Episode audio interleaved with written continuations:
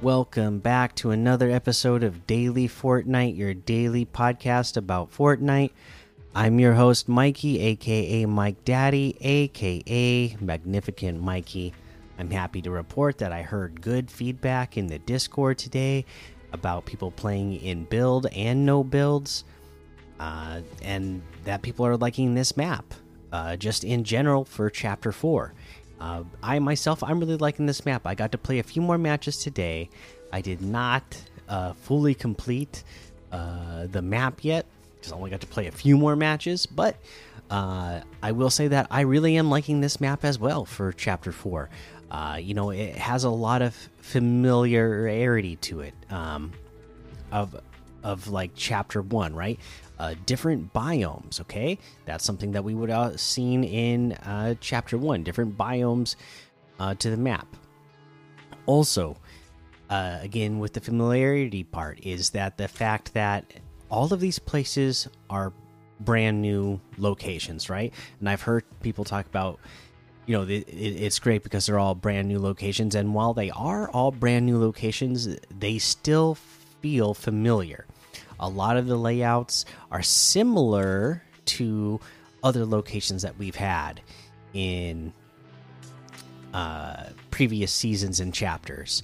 So the layout won't be exactly the same, but the buildings will be somewhat the same, or some layouts will be so, sort of similar to how they were before. Uh, so I like that. Even though you're discovering brand new locations, you can go there and be like, oh uh, I know this building. I know, you know, how many floors and where the rooms are in this building, or, uh, you know, I know the layout of this map, so I know how to traverse around this little area pretty good. Uh, but it's not exactly the same. So I like that.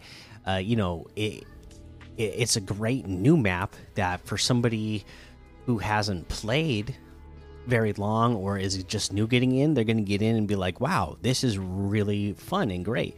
And somebody who's been playing since chapter 1 like myself and I know a lot of you out there you're going to drop in on this map and be like wow uh, this is all new yet familiar. Like this you know it gives you those nostalgic feelings uh, that you you know people are always saying they want the chapter 1 map back. You don't. You don't but you definitely love the feeling of it, right? So I, am really liking this so far myself. Uh, you know, there's not really any news to talk about today, so let's just run through some LTMs that we can play. You know what?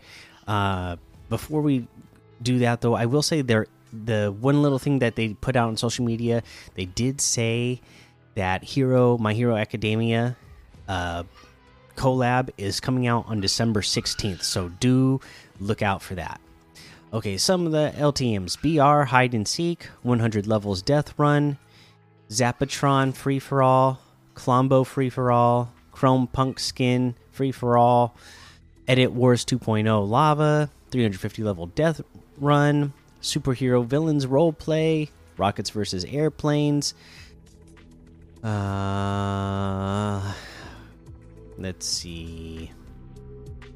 Mega Ramp, 99% Impossible Race, Red versus Blue Rumble, Capture the Chicken House, Pro 100 with any gun, and a whole lot more to be discovered in the Discover tab.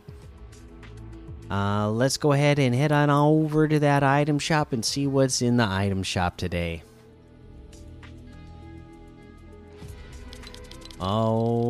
Alrighty, we got Rick and Morty items still here. All of our holiday tis the season section, the uh, Gears of War, the Terminator, and Hulk bundles all still here. And then we have the Payback outfit with the spiked shell backbling for 1,200, the Commando outfit for 800, the Fork Knife harvesting tool for 500, Rhinestone Rider glider for 500 the backstroke emote for 500 the Onda Onda emote for 500 we got the Infinity outfit with the Starfield back bling for 1500 the Star Strike harvesting tool for 800 the Eternal Zero wrap for 500 the Starflare outfit with the Universal Bloom back bling for